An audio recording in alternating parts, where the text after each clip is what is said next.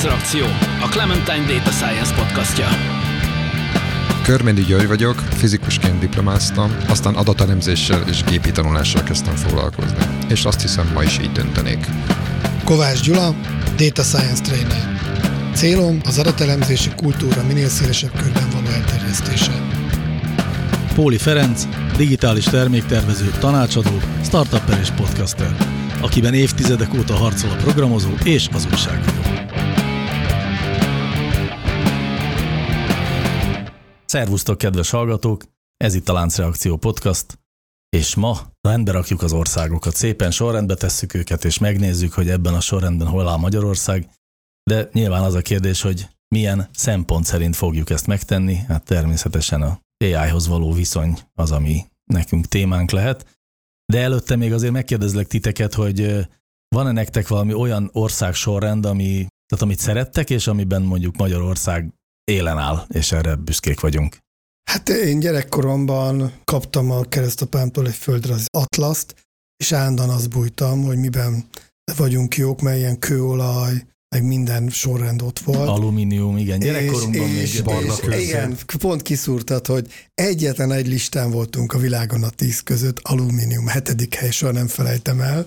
Ez a 80-as évek, és az olyan jó érzés volt, hogy azért nem vagyunk egy loser nép, azért van, van valamiben De ott a, vagyunk. várjál, mert ott van a Teamföld, hogy is van? Teamföld, igen, és van az alumínium. Van a bauxit termelés, van a Teamföld, meg van, Az alumíniumgyártás. De hogy nem mindegyikben, mert hogy az Nem, pont, nem, a pont nem, az jogos. alumíniumban, ez ugye magyar-szovjet Teamföld egyezmény, hogy ezzel Aha. nyissunk itt. Na még ez is, tessék. Na, de Keretében ami, kivitték a Teamföldet az de országba. vagy a bauxit, vagy a alumínium, vagy a tökö, bocsánat, de valamiben ott voltunk, a teamföldgyár, valamiben a hetediken voltunk. Uh-huh. Yeah. Szép. Gyuri, neked van valami lista a fejedben? Hát uh, időt kérek a végéig, jó? És hogyha valamikor felkiáltok Jó, ilyen jó. szervetlenül és logikátlanul, akkor rájött meg, de én ne, nem tudok ilyet. Nem. Én azokat szoktam szeretni, hogy hát, hogy vannak például olyan sportok, amiben mindig a világ élvonalában ja, vagyunk, de ez kicsit azzal ahol- is függ össze, Amit máshol nem nagyon játszanak. amit máshol nem nagyon játszanak, Tehát igen. a, a, a, ugye a vízilabda, azt meg az a, öttusa. Hát az öttusa az már szerintem... Már nem, de De nem amíg, vagyunk jók. de amíg Már. jók voltunk, addig az nem, az a, a vízilabda nem egy különösebben elterjedt sport, amennyire én tudom. És vízilabdában meg most már, a- ez pont egy hozzáértő barátom mondta, hogy a vízilabdát most már játszák szerte a világon, tehát egy sokkal népszerűbb sport, mint valaha, és mi még mindig elég jók vagyunk benne, úgyhogy azért ez a cinikus részéből egy kicsit vissza tértünk abból, hogy tényleg jók vagyunk. Meg ehhez képest mondjuk itt az Nem. úszásban is jók vagyunk, pedig az aztán tényleg Ugye az a női vízilabda, ami régen, hát azért mi már eléggé korosak vagyunk az, hogy azért régen egy ilyen kevés értelmezhető kategória volt, és azért már a, szerintem simán felnőtt a férfi mellé. Bizony. Tehát ugye egy-két Az más igaz. labdasporthoz hasonlóan. De, de szerintem amiben tradicionális, de továbbra is jók vagyunk, és büszkék lehetünk rá, az a vívás. A vívás viszont nagyon durván elterjedt, különösen Mhm. Ázsiában, Koreában, Kínában. Tehát például számomra meglepetés volt, hogy most idén sikerült megnyernünk a kart csapatvilágbajnoki címet, amit az ember azt gondolná, hogy minden évben mi nyerünk. Előtte öt évig Korea nyerte meg. A tradicionális nagy vívó nagyhatalmak, mint olaszok, franciák kikoptak. Tehát erre azért büszkék lehetünk, hogy mi Jól mindig ott van. vagyunk. Hát erre akkor büszkék is leszünk, viszont az a lista, amit most a Gyula talált egyébként, és amiről ma beszélgetni fogunk, arra nem biztos, hogy olyan nagyon büszkék leszünk, de nézzük meg részleteiben. Van egy Global AI Index nevű kutatásnak mondanám leginkább, ahol az egyes nemzeteket nagyon sok szempont szerint értékelik ebben a kutatásban, és ez alapján felállítanak egy listát abban, hogy ki mennyire AI kompatibilis, melyik ország mennyire van benne az AI-ban, nem mondjuk így, talán ez, Mhm. így, ez így megáll ez a mondás. Ez a nagyon sok szempont, ezt majd tényleg ezt eh, majd át is beszéljük, de 62 országot pontoznak ebben a kutatásban, és eh, alapvetően három ilyen nagy eh, tematikus megkülönböztetés szerint van az investment, az innovation és az implementation, tehát a befektetés, az innováció és a megvalósítás vagy felhasználás, ez a három szempont, Mhm. ki mennyire használja, ki mennyit investál bele, és ki mennyit kutat ez ügyben. Ez aztán le van bontva egy csomó alacsonyabb szempontra, és baromi érdekes, hogy mi jön ki belőle. Hát annyit el fogok spoilerezni, hogy az egész index az úgy van felállítva, hogy a legnagyobb minden téren ebben az USA, ezt vesszük száznak, és uh-huh. ez a százas pont, és akkor ehhez képest pontozzák be a többieket, a, mit tudom én, Egyiptom 17 mondjuk, ami még, jó, még egy spoilert megengedek magamnak, a második Kína, ha jól emlékszem, 62-vel talán. Igen. És aztán jócskán elmaradva jönnek a többiek, ami még egy nagyon érdekes, na jó, de nem lövök le Na, minden én poént. az indulást mondanám el, Igen. mert engem nagyon zavar a hétköznapokban az, hogy az AI el van könyvelve, hogy az usa meg kínái, és mindenki más, de különösen Európa sehol nincsen. És ez engem baromira idegesít, mert ez rohadtul nem így van. De még előtte a kreditekről beszélhetünk, kik ezek és mik ezek? Beszéljünk róla. Tehát, hogy így ki csinálta ezt az egészet. Na, ki csinálta ezt az egészet? Azt jó tudni. Mert mondjuk, ha nem tudjuk, akkor, akkor ne Én nem beszéljünk róla. Ez a, ez a Ezt hosszú nem csend, ez, ez sem. legyen már benne, jó? Mert Nem tudom, tényleg. jó, szóval ez a tortoáz. Serena Cesaro és Joseph White. Igen, a Tortoise Média, ők csinálták, igen. Nem tudjuk a módszertant, bár olvasni itt arról valamennyit, hogy, hogy megkérdeztek government agency-ket is, egyetemeket, médiakutatást is végeztek, tehát egy viszonylag komplex kutatásnak tűnik, de valóban nem tudjuk, hogy mennyire mondjuk, hogy megbízható, de mindenképpen érdemes egy kicsit beszélgetni arról, hogy mit tapasztaltunk, főleg annak fényében, amit a Gyula az előbb mondott, hogy, hogy úgy szoktunk erről beszélni, hogy két nemzet van a világon, ami igazán nagy AI-ban, az egyik az Egyesült Államok, a másik Kína, és aztán sehol semmi. A sehol semmi semmiképpen nem igaz, de hogyha csak ezeket a pontokat nézzük, akkor azért ez úgy van, hogy, hogy a 100 pont az USA, 62 pont Kína, és utána az első európai nemzet, az talán Németország 50 valamennyivel, érdemes Egyesült megnézni azt is, hogy Királyság. meg, Anglia. és, és Egyesült Királyság. Majd erről van. akarok is beszélni. De nagyon érdekes egyébként, és ezt majd nézzük meg, hogy melyik miért. Tehát, hogy Mhm, melyik szempont szerint vannak ők ott bent, vagy mi hozza fel az ő átlagukat, mert ez viszont baromi érdekes. Na jó, de azért azt meg tegyük hozzá, hogy most tulajdonképpen, hogyha bármilyen másik listát nézünk a világról, mondjuk a hadseregek méretét, vagy a bármilyen egyéb tudományban elért publikációkat, vagy az olimpiai aranyérmek számát, akkor nagyjából ugyanerre számítunk, nem? Tehát hogy a USA meg a Kína lesz elől, és akkor utána meg a többiek. Igen, de itt olyan mérés is van, hogy összevetve a, az ország méretével. méretével, az- az- tehát a lakosság teljesen más. számmal. Az egy főre vetítve teljesen más a sorrend. Na, akkor erről még beszéljünk. Az élen konkrétan Szingapur lesz az első. Na, rakjuk rendbe, tehát menjünk az elejétől. Jó. Ez van ez a nagy index, ami egyértelmű USA, Kína, de utána földrészenként szét vannak bontva, hogy az országok hogy állnak, és már földrészek szintjén is van egy tök érdekes jelenség, a szórás. Még Ázsiában valóban van egy Kína, de az ázsiai országok között az elég nagy a szórás, hogy ki hol áll AI-ban. Egyetlen egy olyan földrész van, ahol viszonylag kicsi a szórás, az pont Európa. Tehát szerintem hajlamosak vagyunk elfelejteni, hogy Európa egy nagyon civilizált társadalmi rendszerekből álló földrész, ahol mindenütt van komoly oktatás, mindenütt van egy nagyon komoly infrastruktúra, társadalmi keretek, és így tovább, és ezek az országok nagyon rosszul nem tudnak teljesíteni, mint hogy az ábra is mutatja. Európa leggyengébb országa, ami egyébként, mindjárt mondom, Szlovákia, legalábbis a, akik a listára felkerültek, az pont olyan jó, mint az Afrika legjobb országa Egyiptom. Tehát Európa már ilyen értelemben is egy pozitív kivétel, hogy viszonylag jól helyezkednek el az összlistán, és nincsenek kiugró a jók rosszak. Tehát lehet, hogy az Európai Uniónak is van hatása, hogy pont ez a célja, hogy összetömörítse a mezőnyt minden téren, és az AI-ban is úgy látszik, hogy van. Azt néztem egyébként, hogy van még egy földrész, amelyik ö, hasonló kis szórást mutat, ez Dél-Amerika, Uh-huh. csak hogy ott Túl kevés. kevés ország van, és eléggé a végén, tehát mint hogyha Európa sereghajtói lennének azon a szinten vannak, de ott nagyjából kicsi a szórás, és aztán valóban Európa az, az eléggé, mint egy Egyesült Európa látszik. Azon belül is természetesen vannak élenjárók, és vannak hátul Na. kullogók. És az élenjárókról beszélnék. Elég sok cikket néztem, általában három-négy országot emelnek ki. Ez az Egyesült Királyság, Németország, Svájc, esetleg skandináv országok, És Franciaország. és Benelux, és Franciaország. Na most ez azért érdekes, mert amikor Egyesült Királyságról beszélünk, Angliáról, akkor néha úgy hajlamosak vagyunk úgy tekinteni rájuk, hogy nem is tudjuk, hogy miből élnek.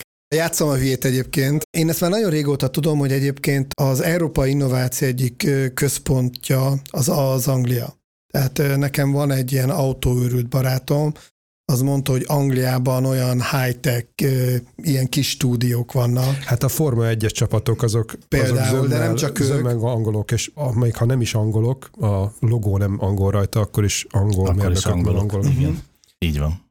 Na, de AI-ban is ott nagyon komoly fejlesztések vannak. A németeknél Németország a világ egyik legnagyobb exportőre. Hogy a francba lett a világ egyik legnagyobb exportőre, amikor rohadt magas ott a munkaerő, ára.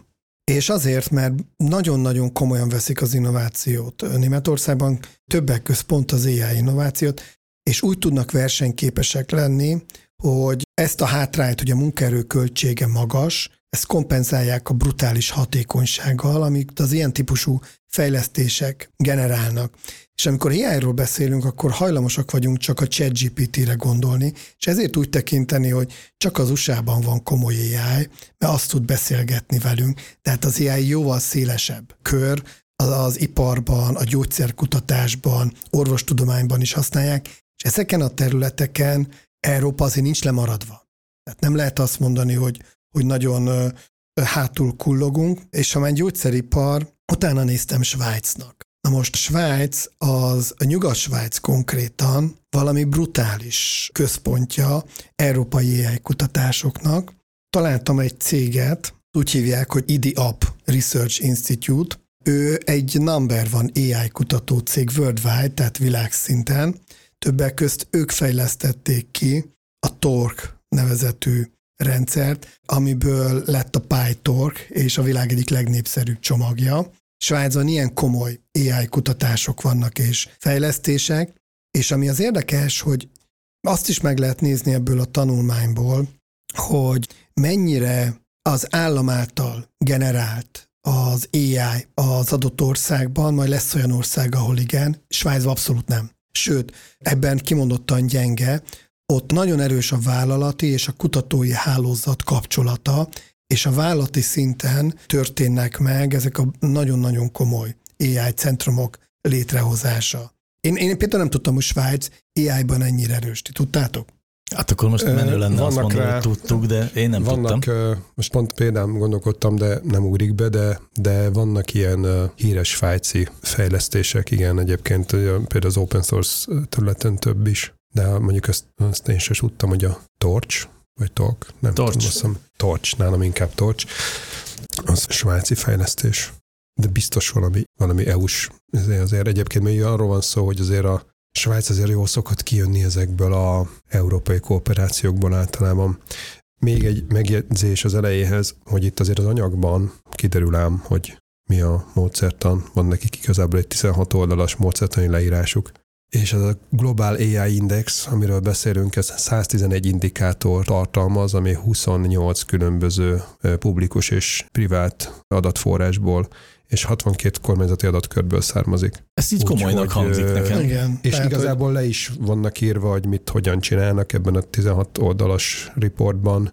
Szuper. Akkor ebben megnyugodhatunk, hogy ez egy releváns tanulmány. Hát igen, amennyire most itt e keretek között meggyőződhetünk erről. Na az az érdekes a dologban, hogy minden országnak van ezért aztán egy ilyen eh, grafikailag is jól megnézhető lebontása, hogy az egyes Pókháló területeken diagram. egy pókháló diagramot látunk, igen, és valóban, ahogy a Gyula előbb mondta, például itt a Svájcnak a pókháló diagramja az úgy viszonylag infrastruktúrában, fejlesztésben, kutatásban, kereskedelemben, hozzáértők tekintetében magasan van. A government strategy, tehát a kormányzati stratégia az lényegében nulla. De ugyanezt megnézve egyébként az előbb emlegetett két országra, Németországra és Angliára, nekem azt tűnt fel, és az nagyon érdekes, hogy Anglia az elsősorban az innovációs területen, meg az akadémiai szférában erős, tehát hogy ott, mintha a dolognak a tudományos oldala lenne nagyon erős, ez húzza fel őket, míg Németországban meg elsősorban az alkalmazása az AI-nak. Tehát ott nem uh-huh. feltétlenül a, a kutatás nagyon erős, hanem viszont nagyon nyomja a kormány, és nagyon sokan alkalmazzák az iparban ezeket az eszközöket. A magyar pókháló diagramot nézzük meg, mert biztos az sok mindenkit érdekel. Az meg egy egyébként eléggé egyenletes pókháló diagram, csak nagyon kicsi. Úgyhogy valószínűleg nagyon Viszonylag kevés, kicsi. nagyon kevés legyet fog. Egyébként Magyarország úgy körülbelül az alsó harmad tetején van. Hát én Európában. konkrétan megnéztem azt, hogy a régióból kit előzünk meg. És hát Szlovákiát előzzük meg mindenki. Tehát a Csehország, Lengyelország előttünk van, Románia nincsen benne a kutatásban, vagy én nem találtam, tehát az még egy opció. Ausztriát sem előzzük meg, Szlovéniát Ez sem előzzük meg. Tehát igazán De, de rosszul olvasod. Izlandal egy szinten vagyunk. Hát ez mondjuk Na, igaz. jobban hangzik? Ez egy kicsit jobb. Meg, és egyébként tényleg az alsó harmad tetején vagyunk, tehát sokakat megelőzünk azért a- az országlistában, de, ezért sokak mögött vagyunk. de sokak Ö, mögött vagy. Hát Igazából van ám itt egy csomó olyan indikátor, tehát most ugye nem bogárásszuk végig a 111-et, de, de vannak olyan indikátorok, amikre azért én föltenném a kérdést, hogy ezt hogy a tökönbe állapították meg. Például most egyet szúrtam itt ki, ami valószínűleg lehet, hogy csak ez az egy ilyen a 111-ből. Ez a AI startupok száma. Uh-huh. Van egy ilyen indikátor. Ezt meg tudom mondani, hogy hogyan tudhatták meg, amennyiben én, mint korábbi AI startupper, a KSH-nak jelentenem kellett erről külön. Mármint, hogy tehát van ilyen, KSH-nak van egy ilyen sora. olyannyira, hogy van külön egy erre kihegyezett jelentése, ahol minden startup, tehát nem is minden vállalkozás el kell mondja, hogy ő egy startup, és hogy ő AI startup-e. Aha. Szóval, hogy ez, ezeket szerintem nemzeti szinten mérik az egyes országok. Egyébként, hogyha valakit izgat, akkor itt azért van egy kis gyengeség, hogy azért itt most éppen nem látom, hogy ez melyik évre vonatkozik. Ez az ilyen aktuális, típusú- Ez 2023. 2023-as. És van, van a következő, a trend. Az index az lehet, de ez a 111 mérőszám, ezeknek nyilván van egy validitása, tehát hogy ez, ez igazából mikorra vonatkozik, és ez biztos, hogy nem 2023. Tehát ez valamikor egy-két-három évvel ezelőtti adat, ami persze attól még lehet Igen, jó. igen, csak szerintem ezt évente elvégzik a mérést, és mindig a két-három évvel ezelőtti adatokat használják. Persze, Gondolom nincs én. ezzel baj önmagában. Most ha beleragadunk abba, hogy ez most mennyire jó vagy nem, akkor Jó, akkor szerintem mondjuk azt, hogy kötelező gyanakvással fordulunk a módszertan felé, ahogy ezt mindig tesszük, és bárkinek mondjuk azt, hogy forduljon ugyanilyen gyanakvással mindenfajta módszertan felé. Egyébként meg feltehetjük, hogy ez nem egy, hogy mondjam, nem két újságírónak a hobbi projektje, amit délutánonként csinál, hanem annál egy komolyabb kutatás. Vagy hát, hogyha ilyen statisztikusan közelítjük meg, akkor azt mondjuk, hogy a 111, 111 indikátor között biztos vannak, amik nem olyan jók, meg nem olyan pontosak, Igen, meg biztos nem vannak. határozzák meg, de hát Valószínűleg a azért nagy vannak, amik- trendeket igen, azért mutatják. És, és a sok kicsi hatás összeadott értéke az valami olyasmit mutat, ami bennünket érdekelhet. Én mindenképpen szeretnék egy ilyen nagyon fontos, számomra legalábbis nagyon fontos következtetést levonni. Ugye Gyula az elején azzal kezdte, hogy hát azért az nem úgy van, hogy USA-ban és Kínában van minden, és mindenki más az sehol sincs. Szóval azért, hogyha ránézünk erre az ábrára, akkor az USA, amennyiben az USA 100 és Kína 62, Szingapur pedig 50, ezzel ők vannak ennek a nagy táblázatnak az egyik felén, és az összes többi ország a másik felén, és mondjuk Európa az a, a 10 és 15 és 45 közötti kategóriában mozog, tehát azért Európa mondhatni átlagában fele akkora ebben a témában, mint az USA. Tehát, hogy egy kicsit azért van abban valami igazság, hogy az USA és Kína nagyon előjár ebben a történetben, mindenki máshoz, akár még Európához képest is. ez egyértelmű. Tehát ezt nem akarom vitatni, csak vannak olyan ábrák, amik azért súlyoznak azzal, hogy mekkora az ország mérete, és ott azért jóval árnyaltabb a kép, tehát azért ne felejtsük el, hogy teljesen más nagyságrendű országokról beszélünk, és ha már szóba került Ázsia, na ez volt a legérdekesebb számomra, mert nem Dél-Korea a második, hanem Szingapur. Sőt, Japán, Japán hanyadik, negyedik? Japán csak negyedik. Tehát Japán, amelyik emlékszem a 70-es, 80-as években dokumentumfilmek készültek arról, hogy Japán mi- miért előzi meg USA-t. Tehát akkor annyira Bizony. Volt egy japán para, az volt a high-tech ország. A Nintendo-n keresztül, a Sony-n keresztül, mind, tehát ez a Mitsubishi autó, emlékszem, volt a, a flugos futam, amiben a Mitsubishi autó volt az űrtechnológia. Tehát ilyen, ilyen egészen döbbenetes para volt USA-ban a japánokkal szemben. Na most ez a Japán csak negyedik, De hol, hol negyedik? Ázsián belül. Ázsiai, ázsiai Ázsián. Ázsián belül, igen. Igen. Ázsián belül, okay. és Szingapur, utána néztem, hogy Szingapur, hogy a, a francba tud második lenni. Megint és csak Ázsián belül, de egyébként Ázsián belül, de egyébként világszinten vö- harmadik. harmadik, tehát nem gyenge. Szerintem nem olyan nagyon bonyolult, tehát ugye ott tulajdonképpen pont a kis ország jellege, meg hát az egy abszolút egy ilyen fókuszpont, tehát ugye baromi jó egyetemekkel, illetve nyilván olyan tehetségeknek az egész Dél-Kelet-Ázsiából az oda vonzásával, akinek pénzparipát, fegyvert tudnak teremteni. Tehát nem egészen önerőből, ilyen értelemben nem egészen önerőből működhet Szingapúr. Na most ez abszolút így van, tehát egyrészt a földrajzi elhelyezkedése marha jó, kettő, az állam létrehozott erre egy komoly programot, és van, ahol ez működik, és a harmadik, hogy a kínaiak brutális pénz, az Alibaba például brutális pénzeket nyom bele a szingapúri AI fejlesztésekbe, hogy ennek mi az oka, hogy miért pont az Alibaba, és mi lett az Alibabának a tulajdonosával, én most nem akarok ebbe belemenni. Hát semmi, már visszatért. Már visszatért? Már visszatért, eltűnt. Jack Ma egy időre eltűnt. Jó, de ami ott van, az viszont tényleg az övék, tehát azt nem tudják tőlük elvenni. Hmm. Tehát a Szingapúr egy nagyon szerencsés csillagzat alatt van most, ott van Kína, és kínai cégek egy jelentős része beruház. Tényleg marha jót az egyetem, tehát az oktatás az szenzációs, és a maga az állam is gőzerővel támogatja az AI fejlesztéseket. És ez annyira jól sikerült Szingapurnak, hogy egy másik, ettől teljesen független kutatásnál amit már említettem, sorba rakták a világ városait, nem az országait, hogy melyik a legjobb AI befektetési célpontok, és ott Szingapur volt az első. Ugye ne felejtsük, ez egy városállam, tehát egyszerre ország meg a város, és kínai, amerikai, Európából azt hiszem London, Párizst és Münchent előzte meg, tehát Szingapurnak valami nagyon jól sikerült. Ugye ne felejtsük el, hogy ebben a kutatásban a különböző lábak között ott van a talent, tehát a szakértelem, a humán erőforrás. És ha megnézzük az ország profilokat, akkor Kínában az van, hogy az összes szempontban majdnem száz, az egyetlen, amiben nem, az ez a humán erőforrás. Tehát azt lehet gondolni, hogy Kína hiába tol bele végtelen pénzt ebbe a történetbe, az ő tudósai és mérnökei előszeretettel mennek el az országból. Egyébként egy másik kutatásból azt jól láttuk is, hogy a kínaiaknak, mit tudom én, a hogy is van, hogy a, a, azok, akik Kínában végezték az általános iskolát, azoknak a 80%-a aztán, vagy 20%-a marad, és akkor ha megnézzük ugyanezt a pókháló ábrát Szingapúra, akkor meg ott a talent, tehát a humán erőforrás, az száz százalék. Tehát elképzelhető, hogy egész egyszerűen azon, hogy sok kínai szakember a Szingapurban találja meg a, a helyét. Ez a marcopolo.org, amit hivatkozol, és akkor ott van ez a... Nevezük mobilitási ábrának. Mobilitási ábra, ennek van valami frappáns neve egyébként. Az ábra szerint, bár nagyon nehéz ezt az ábrát elmagyarázni, egyébként gyönyörű, mozog, képzeljétek. Gyula az előző is nagyon gyönyörű. Tehát, Elképesztő. Tehát ezek igazán, igazán eye candy dolgok, amiket a Gyula Igen, talált. Szerintem nem is véletlen, tehát ő neki a vonzódása is Igen, pervers, mondd ki.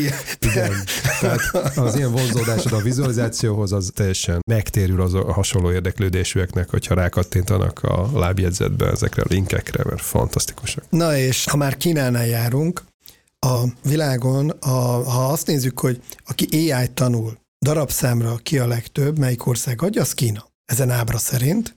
De már is az első csavar az, hogy ezeknek a fele nem Kínában tanul. Vagy több, mint a fele nem Kínában tanul, hanem az USA-ban. Tehát ez az ábra nagyon szépen szemletesen mutatja, hogy a kínai diákok, akik éjjel akarnak foglalkozni, több mint a fele az USA-ba fog menni.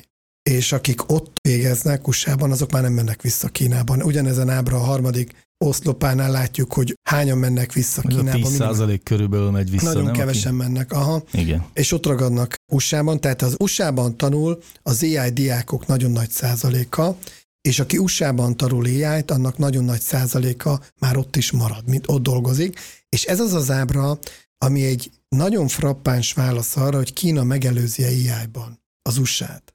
Ez az ábra nekem azt mutatja, hogy az marha jó, hogy kínaiak publikálnak legtöbb AI cikket, mert ugye erről is rengeteg cikk található, de az sokkal fontosabb, hogy egyáltalán hova mennek tanulni, akik ai akarnak foglalkozni, és ez egy gyűjtő ország az USA. Igen. Európából is sokan mennek. Viszont Egyébként, Európából sokan mennek vissza Európába. Pontosan, aztán. pontosan. Európa ilyen tekintetben azért sokkal stabilabb, tehát Európa diákok nagyon nagy százalék azért Európában tanul, és ezek nagyon nagy százaléka Európában is marad.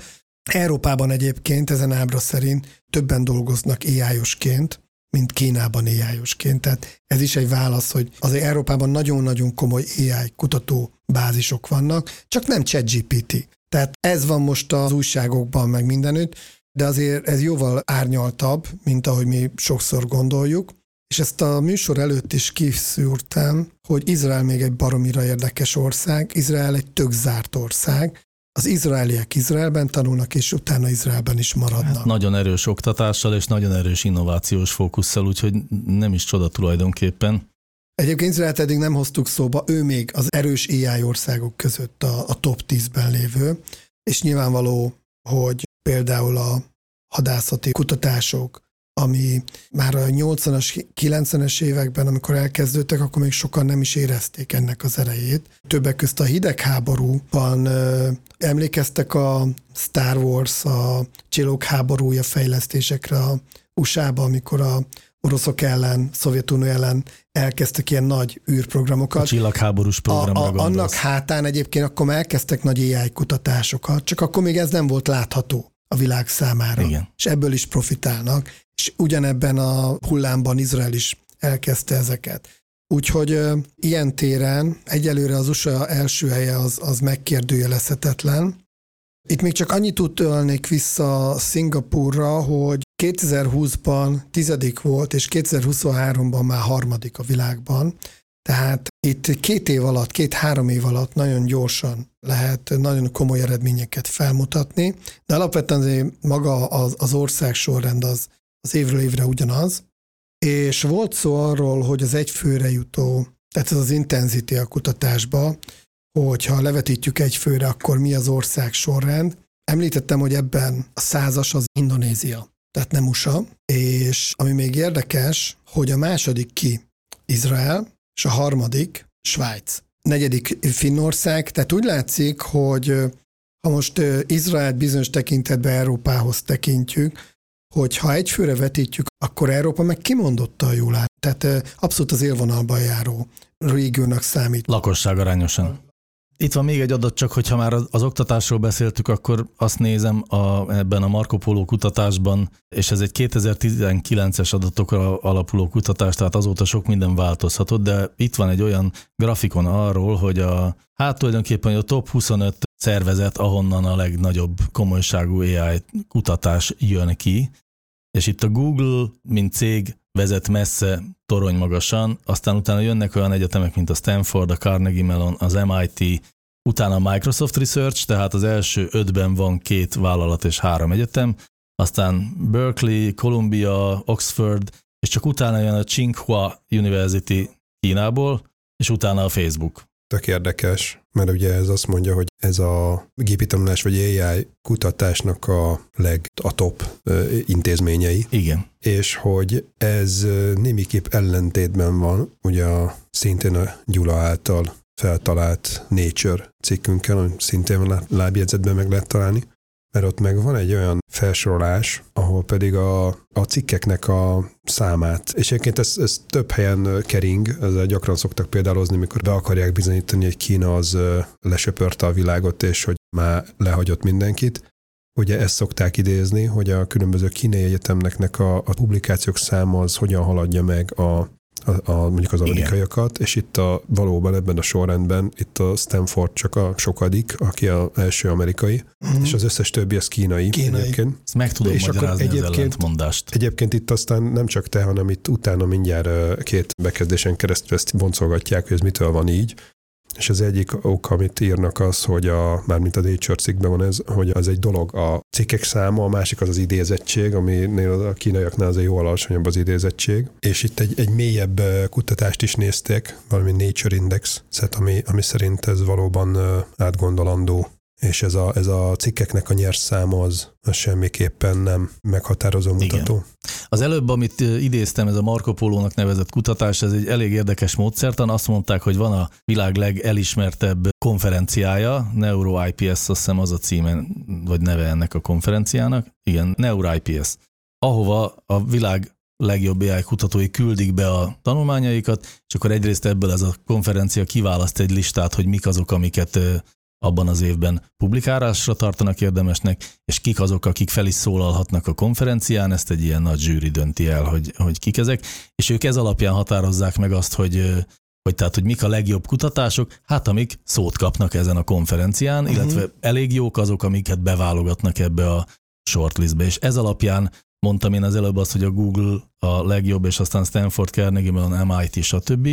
Ami tehát azt mutatja nekem, megint csak persze most akkor nagyvonalon elengedem ennek a metodológiának a kritikáját, vagy a felkérdezését, hogy itt mintha azt mondanák, hogy a, a minősége ezeknek a kutatásoknak, tehát a magas minőségű kutatások, vagy az érdekes, vagy az innovatív kutatások, azok ezekből a nyugati típusú műhelyekből érkeznek, és a kínaiak azok sokkal inkább mennyiséget tolnak szemben a minőséggel.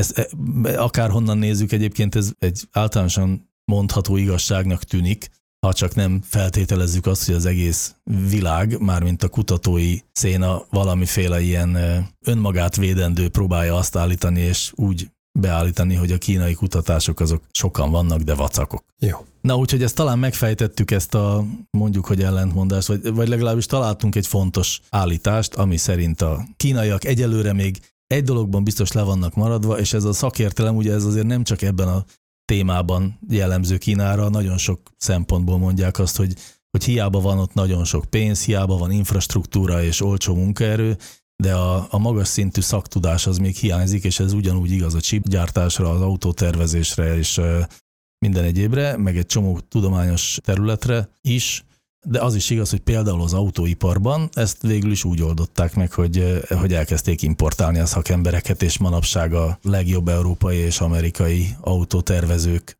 dolgoznak a nagy kínai autógyártóknál, és kb. azt mondja minden szakember, hogy még egy-két évünk van, amíg meg nem jelennek elsőprő árakkal a kínai automárkák Európában. Igen, hát a, visszatérve az AI-ra, tehát amikor valaki mondjuk a kínai dominanciával jön, hogy erről sivalkodnak, meg igazából bármilyen ilyen látványos trendekkel, meg igazolásokkal jönnek, akkor mindig érdemes megnézni, hogy valójában kinek a, az érdekében szólnak, tehát hogy most alapvetően ipari, gazdasági lobby érdekeket támaszt alá az az érvelést, vagy éppen arra szólít fel, hogy az akadémiai területbe kell sokkal több pénzt fektetni. Tehát ugye itt mindenki a, a politikai döntéshozókat akarja győzködni. Igen. És azt hiszem, hogy ebben egyébként a legélesebb verseny. És egyébként paradox módon éppen ez a folyamat, ahogy mondjuk ez Európában és USA-ban jellemző, ez egy olyan fajta dolog, tehát hogy itt ilyen típusú lobby tevékenység zajlik, és hangos siránkozások zajlanak különböző érdekcsoportok mentén. Ez, ez csak részben egy ilyen szarkasztikus megjegyzés a részemről, másrészt ez egy természetes érdekcsoportok harca a forrásokért, és ebben az aspektusban szerintem, amit ugye szokás felejteni, ugye Európa meg, meg USA az magasan jobban teljesít, mint azok a államok, ahol mondjuk ez sokkal központosítottabb ez a fajta forráselosztás. Mert ott ez a fajta nyilvános siránkozás, nyilvános vita, az nincs. Vagy, vagy legalábbis sokkal kisebb léptékben van. Mindenképpen kisebb a hatása. Igen. Egyébként, a, ha már itt járunk, hogy Európa, Ázsia, Kína, USA, Visszatérve a kiinduló pontra, hogy miért érezhetjük azt, hogy Európa talán nem annyira teljesít jól AI-ban, ugye, és erre utaltam, hogy ugye most minden a ChatGPT-ről szól, de ne felejtsük el, hogy ezek nagy nyelvi modellek, amikhez nagy adatbázisok kellenek, és ezek nagy része publikus helyekről szedhetőek le, és erről már sok adásban beszéltünk. Viszont Európában a legszigorúbbak az adatvédelmi törvények. Tehát az ilyen típusú kutatásoknál Európában a kutatók keze jóval jobban meg van kötve, mint Kínában vagy USA-ban, és nem véletlen talán az, hogy az ilyen típusú fejlesztéseknél Európa nem tud annyira versenyképes lenni, mert egyszerűen ahhoz, hogy ilyen adatbázisok felépüljenek, ahhoz nem tudom hány jogászt kell körbegyűjteni a tudósok köré, mire egyáltalán az első elemzést elkészíthetik, nehogy ebből komoly perek legyenek. Kínában ilyen nincs. Kínában ö, ö, nyugodtan ö, tudnak bármilyen adatbázist összegyűjteni, elemezni. Hát, hát Kínában is van, csak más, van. másfajta korlátokat kell átugorjanak. És időnként meg jönnek hírek, hogy hogyan vannak lekorlátozva, és igazából most engedték el talán a, a ChatGPT fejlesztéseket, valami, Igen. valami hír volt ezzel kapcsolatban, tehát azért ott éppenséggel komoly kontroll van e fölött. De hát időnként valóban engednek dolgokat, amiket talán máshol nem. Most itt a végén megbombázta bennünket még egy jó pár ábrával Gyula, igen. Ami szerintem egyébként mindenképpen jó pofának minősíthető. Ugye megnézted a, a Google Trends-ben országonként, hogy az AI kereső kifejezésre, illetve a ChatGPT kereső kifejezésre mennyi találat van. Aha. ugye, ugye amit Melyikre szokott- van több? szoktunk. És ugye tulajdonképpen a legérdekesebb tanulsága ennek az, hogy igen, az AI-jal már viszonylag régóta foglalkozott a világ, tehát viszonylag sok mindenki keresett rá, tulajdonképpen az országtól függetlenül elmondható, bár az arányok nyilván különbözhetnek. Viszont a ChatGPT az meg berobbant, és valóban önmagában a ChatGPT az ilyen tök hasonló nagyságrendű keresések vannak gyakorlatilag mindenhol, mint az AI-ra, ami hát azért ahhoz képest, hogy az AI az egy nagy gombóc, és a ChatGPT az meg egyetlen alkalmazás ebben, mindenképpen érdekes és jellemző. Viszont ami érdekes, az a trend, hogy csökken a ChatGPT iránt a, az érdeklődés. Volt egy nagy boom, ez az év eleje, a keresésen belül, mint ugye kipukkadna a lufi, különösen Kínában. Kínában volt a legdurvább a rákeresés a ChatGPT-re, és gyakorlatilag megharmadolódott a keresések száma. Ilyen mértékű csökkenés nem nagyon volt máshol. Úgyhogy én úgy gondolom, hogy a ChatGPT egy kicsit most kezd kihűlni ez a téma. Hát ez év eleje óta kezd. Uh-huh. Én mindig meg szoktam kérdezni, hogyha így nagyon belemelegedünk, hogy ki mikor használta utoljára ChatGPT-t konkrétan. Tehát uh-huh. azért az látszik, hogy mindenki kipróbálgatta Az, tavasszal. hogy ez egy hype volt, az nem kérdés. Az, hogy ez egy, egy civil hype volt, tehát hogy azért lett ez ilyen nagyon népszerű, mert mindenki használhatja, és a mindenkinek egy idő után ez már nem olyan érdekes. De azt gondolom, hogy két szempontból nem esett ki a Pixisből. Egyrészt a Transformereknek a kutatása az nagy lendületet kapott, és ezért minden bizonyal nagy forrásokat is kapott. Igen, Tehát azok ez- most ez igaz. mennek, és másrészt pedig ugye a mindenkibe beleértendőek a politikusok is, akik végre megértettek valamit ebből az AI dologból. Ez talán így most egy kicsit erős állítás, de mondjuk, hogy találtak rajta egyfajta fogást, és elkezdték beépíteni a saját narratívájukba ezt a, ezt a dolgot, úgyhogy ez ilyen szinten még velünk fog maradni. Tehát igaz, hogy a Google-ban egyre kevesebben keresnek rá, de a, a generatív AI-jal foglalkozás társadalmi szinten a politikának köszönhetően meg fog maradni. Sőt, tehát nem csak a politika, a politika és a közbeszéd. Akár tehát, úgy is, így Tehát, van. hogy, hogy a, a átlagember, a laikusnak, igen, most az átütötte küszöböt, tehát hogyha most azt néznénk, hogy ki keresett ezekre a kifejezésekre, valószínűleg ott is lenne egy eltérés. Igen, hát ennek egy csomó mondjuk valami értelemben pozitív, meg egy csomó negatív vonzata is van nyilván, amikor így átmegy a tudásba, de ezzel lehet, hogy nem most fogunk. Hanem a jövő héten, abban bízom, hogy a jövő héten pont erről fogunk beszélni, úgyhogy eh, kedves hallgatók, hogyha erre kíváncsiak vagytok, akkor maradjatok velünk jövő héten, és legyetek itt, és eh, akkor megbeszéljük ezt az aspektust is. Mára pedig köszönjük szépen a figyelmet.